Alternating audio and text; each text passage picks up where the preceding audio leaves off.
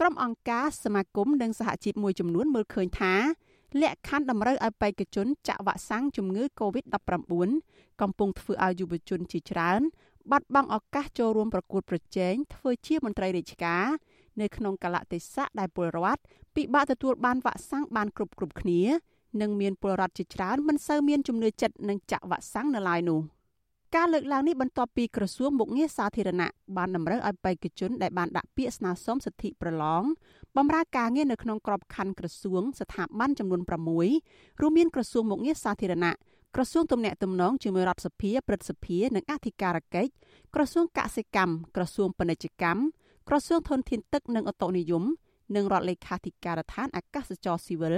ថាត្រូវទៅចាក់វ៉ាក់សាំងជំងឺ Covid-19 ចំនួន2ដងរួចរាល់ជាមុនសិន។ ក្រសួងដដែលបញ្ជាក់ថាចំពោះបេក្ខជនណា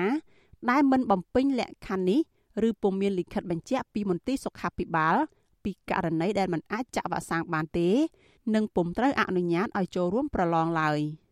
ប្រធានសមាគមបណ្ដាញយុវជនកម្ពុជាលោកអ៊ុលវ៉ាន់ថ្លែងប្រាប់អាស៊ីសេរីថា មកដល់ពេលនេះមានបរិវត្តភាគតិចណាស់ដែលបានចាក់វ៉ាក់សាំងគ្រប់ចំនួន2លើកបើប្រៀបធៀបនឹងចំនួនប្រជាពលរដ្ឋសរុបនៅទូទាំងប្រទេស លោកបន្តថាបើផ្អែកតាមផែនការរបស់រដ្ឋាភិបាល ការចាក់វ៉ាក់សាំងនឹងត្រូវផ្ដល់អតិភិបទៅឲ្យពលរដ្ឋនៅក្នុងតំបន់បិទគប់ដែលជាហេតុផលមួយធ្វើឲ្យពលរដ្ឋនៅក្រៅតំបន់នេះពិបាកនឹងទទួលបានវ៉ាក់សាំងស្របពេលដែលការចាក់វ៉ាក់សាំងនេះឈរនៅលើគោលការណ៍ស្ម័គ្រចិត្តលោកថាលក្ខខណ្ឌរបស់ក្រសួងមុខងារសាធារណៈនេះប៉ះពាល់ទៅដល់សិទ្ធិពលរដ្ឋនិងដំណើរការជ្រើសរើសធនធានមនុស្ស ឲ្យបានចូលរួមប្រកួតប្រជែងដោយសេរីតម្លាភាព សមភាពគណនេយ្យភាព និងយុត្តិធម៌យើងចង់ឲ្យការប្រឡងចូលរួមជាមន្ត្រីរាជការហ្នឹងគឺផ្ដល់ឱកាសស្មើគ្នាហើយនឹងផ្ដល់សិទ្ធិឬក៏សេរីភាពសម្រាប់ប្រជាពលរដ្ឋទូទៅសម្រាប់យុវជនទូទៅបើទោះបីជាគាត់មិនទាន់បានទទួលវ៉ាក់សាំងក៏ដោយក៏គាត់ប្រគួតប្រជែងដើម្បីបំពេញមុខងារទូតទីសាធារណៈដើម្បីបម្រើដល់ប្រយោជន៍សង្គមជាតិ ការដាក់លក្ខខណ្ឌ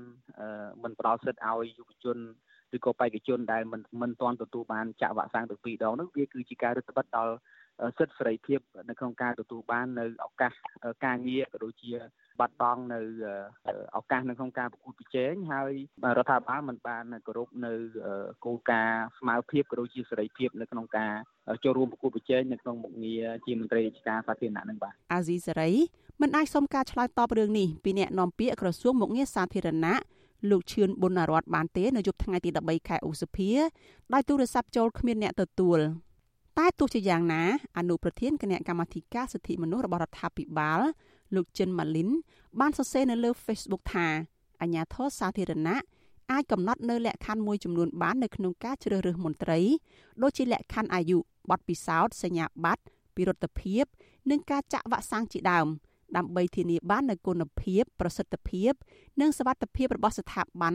ដែលការកំណត់នោះមិនមែនជាការរំលោភបំពានសិទ្ធិស្មារតីគ្នាចំពោះមុខច្បាប់នោះទេ តែគឺដោយសារតែផលប្រយោជន៍សាធារណៈពិសេសដើម្បីទប់ស្កាត់ការឆ្លងរាលដាលជំងឺ Covid-19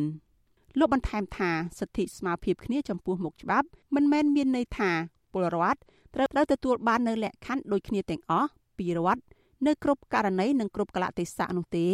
គឺអាចមានការលើកលែងនៅក្នុងស្ថានភាពចាំបាច់យ៉ាងនេះក្តីសម្រាប់ក្រុមអង្គការសង្គមស៊ីវិលវិញការដាក់លក្ខខណ្ឌនៅក្នុងស្ថានភាពនេះគឺជាការបង្កការលំបាកដល់យុវជន ធ្វើឲ្យការប្រកួតប្រជែងពុំមានដំណាភាព ប្រសិទ្ធភាពយុត្តិធម៌និងបង្កើតឲ្យមានវិបដិសារីដោយសារតែបេក្ខជន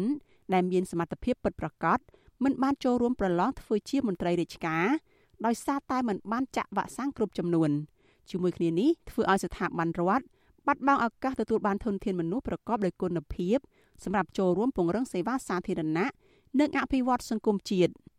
ក្រសួងសុខាភិបាលឲ្យដឹងថាត្រឹមថ្ងៃទី13ខែឧសភា មានពលរដ្ឋស្ម័គ្រចិត្តចាក់វ៉ាក់សាំងជំងឺ Covid-19